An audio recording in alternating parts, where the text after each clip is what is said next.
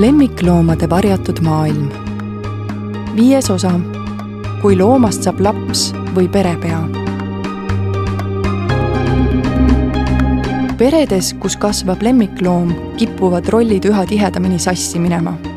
ühed näevad looma lapsena, kelle eest hoolitseda, teised aga ema-isana, kes peab pakkuma tuge ja mõistmist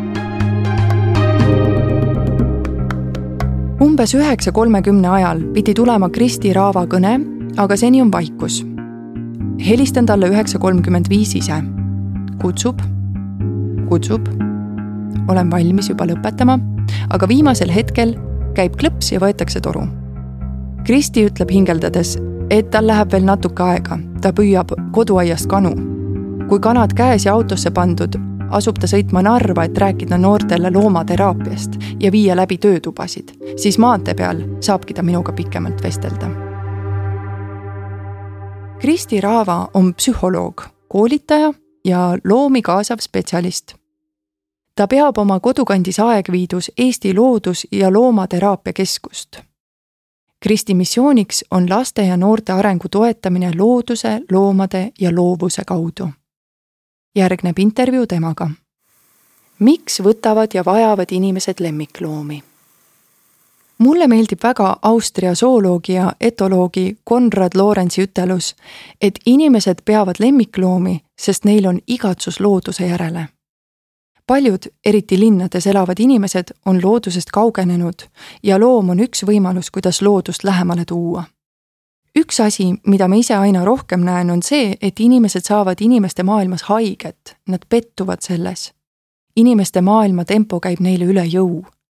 kõik see suhtlemine ja kõrged ootused.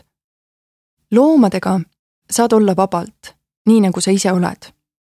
loomad ei anna hinnanguid, nad on ausad ja ehedad ja nad ei kasuta sõnu. paljud kardavad inimeste maailmas just sõnu, sest need teevad haiget loom on siiram, ta elab hetkes, tal pole minevikku ega tulevikumuresid. see on ka see, mida me inimestena aina enam harjutame. Mindfulness, teadvelolek ja muud tehnikad. samuti võetakse loomi selleks, et leevendada üksindust.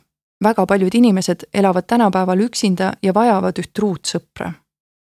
siis on veel need, kelle jaoks lemmikloomad on hobi ja neid, kelle jaoks on prestiiži küsimus, et tema kõrval oleks mõni eksklusiivne loomaliik või tõug põhjuseid on igasuguseid. pettumine inimeste maailmas. kas ei kõla nagu põgenemine? see võib olla inimese jaoks uue võimaluse leidmine. kindlasti on see mingis mõttes põgenemine, aga neid põgenemise viise on ju igasuguseid. ühed ohutumad, teised ohtlikumad.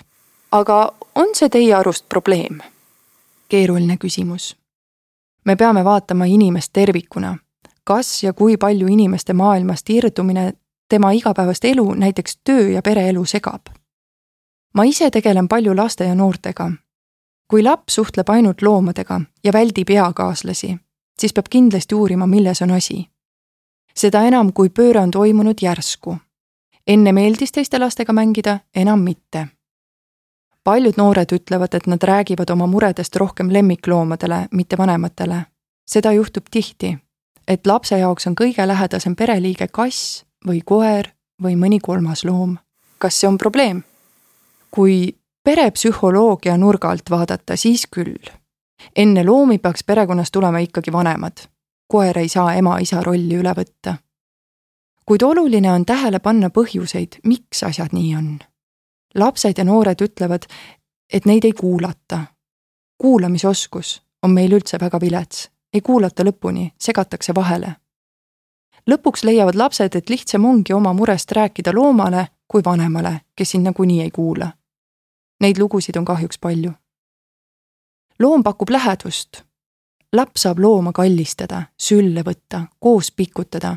sellega kompenseeritakse läheduse puudust, mis on samuti levinud probleem oma töös näen, et tihti on lapsed pealetükkivad, nad otsivad iga hinna eest teraapia loomaga füüsilist kontakti siis on minu asi uurida, millest see tuleb. kogu aeg ei pruugi asi olla kallistuste, paituste puuduses, vaid selles, et lapsele pole selgeks tehtud piire. ta ei aktsepteeri teise inimese ega looma vajadusi. kui levinud on see, et lapse saamise asemel võetakse perre lemmikloom? see on ju väga levinud, isegi juba tavaks kujunenud. paljud paarid võtavad looma testimiseks, kuidas paari suhe toimib ja vastutuse jagamine käib. kui näiteks aasta jooksul tuleb välja, koer kasvab ilusti suureks, otsustatakse ka laps saada. kuid tavaline on ka see, et koer võetakse lapse asemel. et koerast piisab küll. eks see on igaühe enda otsustada, asi läheb käest ära siis, kui koeras nähakse last ja teda kasvatatakse kui last. ma ei usu, et see koera õnnelikumaks teeb, kui ta on saanud lapse rolli. las lapsed olla lapsed ja koerad olla koerad, koos oma vajaduste ja eripäradega. Teie jutust kõlab mitmendat korda läbi see, et lemmikloomaga peredes võivad rollid tihti sassi minna. loomas nähakse last, õde, venda, vanemat ja mida kõike veel. täpselt näiteks on ema-isa pikad päevad tööl ja võtavad looma perre lootuses, et lapsel oleks seltsiline, kuulaja ja toetaja.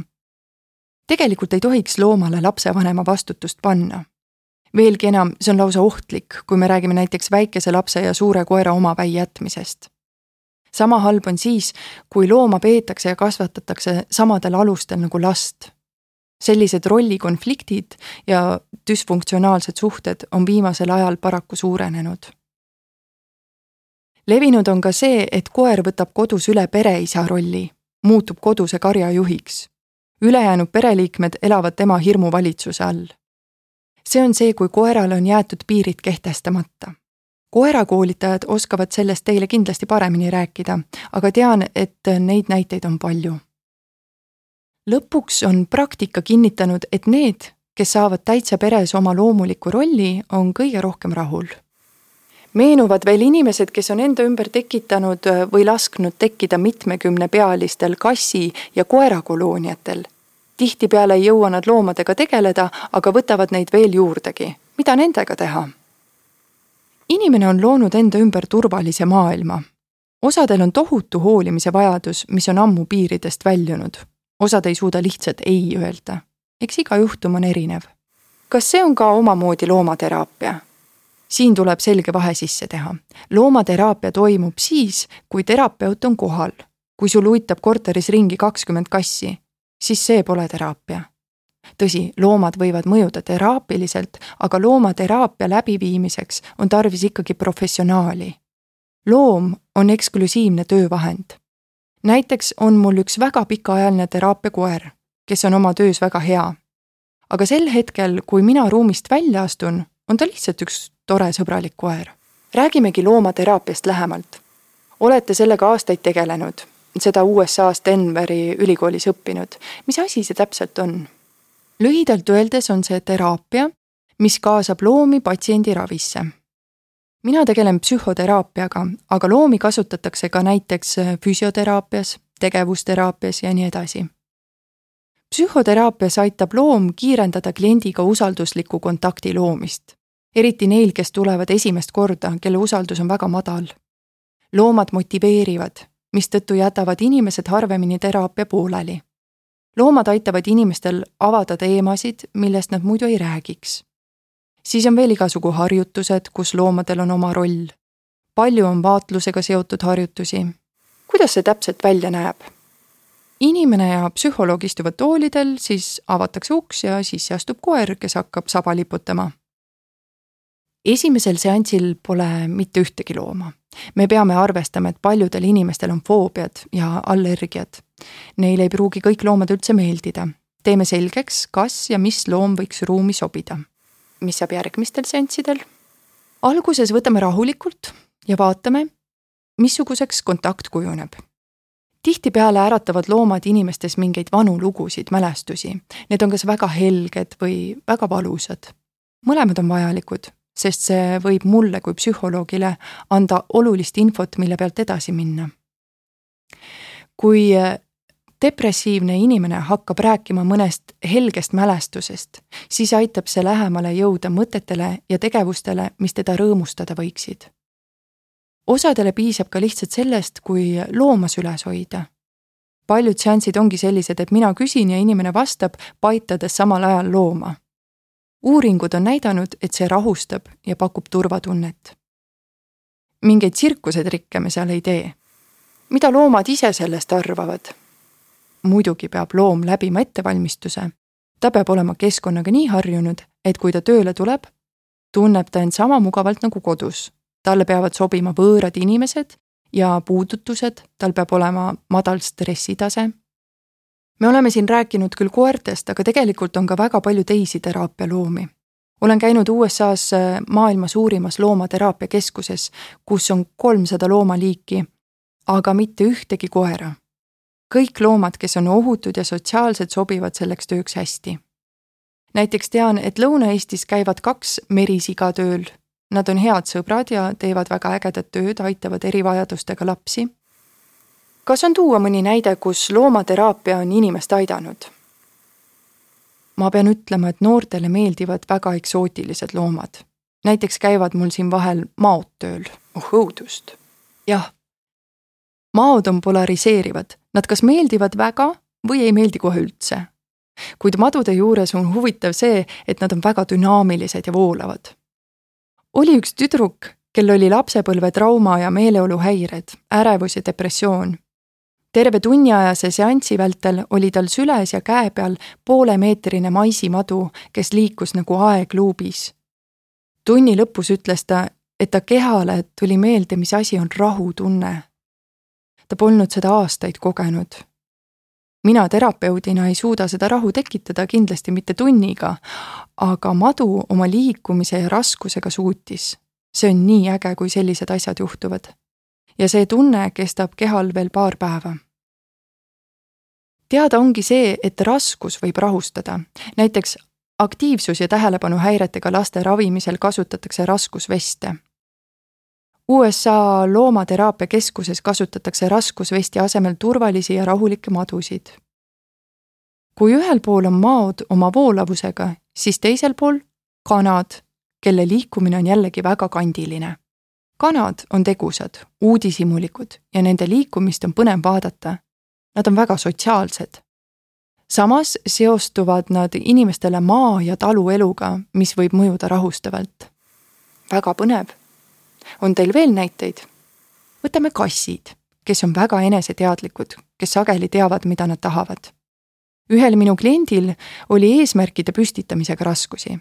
samal ajal oli ruumis kass, kes tükk aega vaatas, kuidas kapi otsa saada, uuris ühelt ja teiselt poolt ning lõpuks oligi kapi peal see tuletas kliendile meelde, et tasub eesmärke seada ja neid vaikselt saavutama hakata. samal ajal on kassid ka väga loovad. Nad võivad üles äratada inimese, kes on väga jäik, raamides kinni ja kes tahab oma ellu rohkem mängulisust. siis on veel loomad, kes ütlevad meile, et kogu aeg ei pea hullupööra pingutama, võib ka puhata, võtta aega enese jaoks. ma arvan, et ka kontoriloomad täidavad natuke seda eesmärki üks loomateraapia rajaja on öelnud, et ruum, kus on loom, on teistsugune. loom loob ruumi õdusama, vahetuma ja mõnusama keskkonna. kas on inimesi, kellele loomateraapia ei sobi? Need, kellele üldse loomad ei meeldi, minu juurde eriti ei satugi. aga neid, keda jätavad osad loomaliigid täiesti külmaks, leidub ikka. näiteks väga paljudel on lapsepõlvest negatiivsed kogemused kukkedega ja neid kel on kodus nagunii väga palju loomi, ei kipu loomateraapia kõnetama. aga loomavihkajad? mis järeldusi te nende kohta teete? kui loomad ei meeldi, siis ma ei tee mingeid järeldusi. see on igaühe enda asi ja vihkamise ja haiget tegemise lahutaks ma samuti. Need, kes tahavad loomadele haiget teha, Eestis pole seda väga uuritud, aga USA-s küll, sealsed uuringud ütlevad selgelt, et need, kes on loomade vastu vägivaldsed, on seda ka inimeste vastu. seal tehakse isegi perevägivalla juhtumeid niimoodi kindlaks. kui lapsevanem lööb looma, siis suure tõenäosusega lööb ta ka last. kuidas olla oma lemmikule hea kaaslane? tihti võtavad inimesed looma välimuse järgi. oh, näeb äge eksootiline välja, võtame tema, aga välimus on vaid väike osa loomast missugune on tema iseloom, temperament, geneetika. nii võivad inimesed avastada, et loom ei paku neile seda, mida ta ootas. tihtipeale jätavad nad looma unarusse, tahavad teda ära anda. aga enne kui te seda teete, siis vaadake oma looma, mõelge, mis on tema head küljed, mis teile meeldib. nagu igas inimeses, on ka igas loomas midagi head ja toredat. teinekord tuleb seda teadlikult otsida. Meil on kalduvus otsida ja näha negatiivset, aga püüame järele aidata ka positiivset poolt. igal loomal on meile midagi õpetada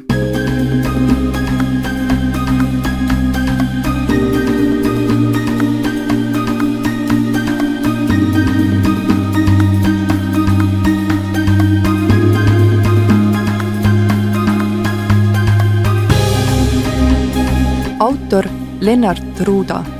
Audiolugu luges Inga Salurand, salvestus, helikujundus ja originaalmuusika Janek Murd.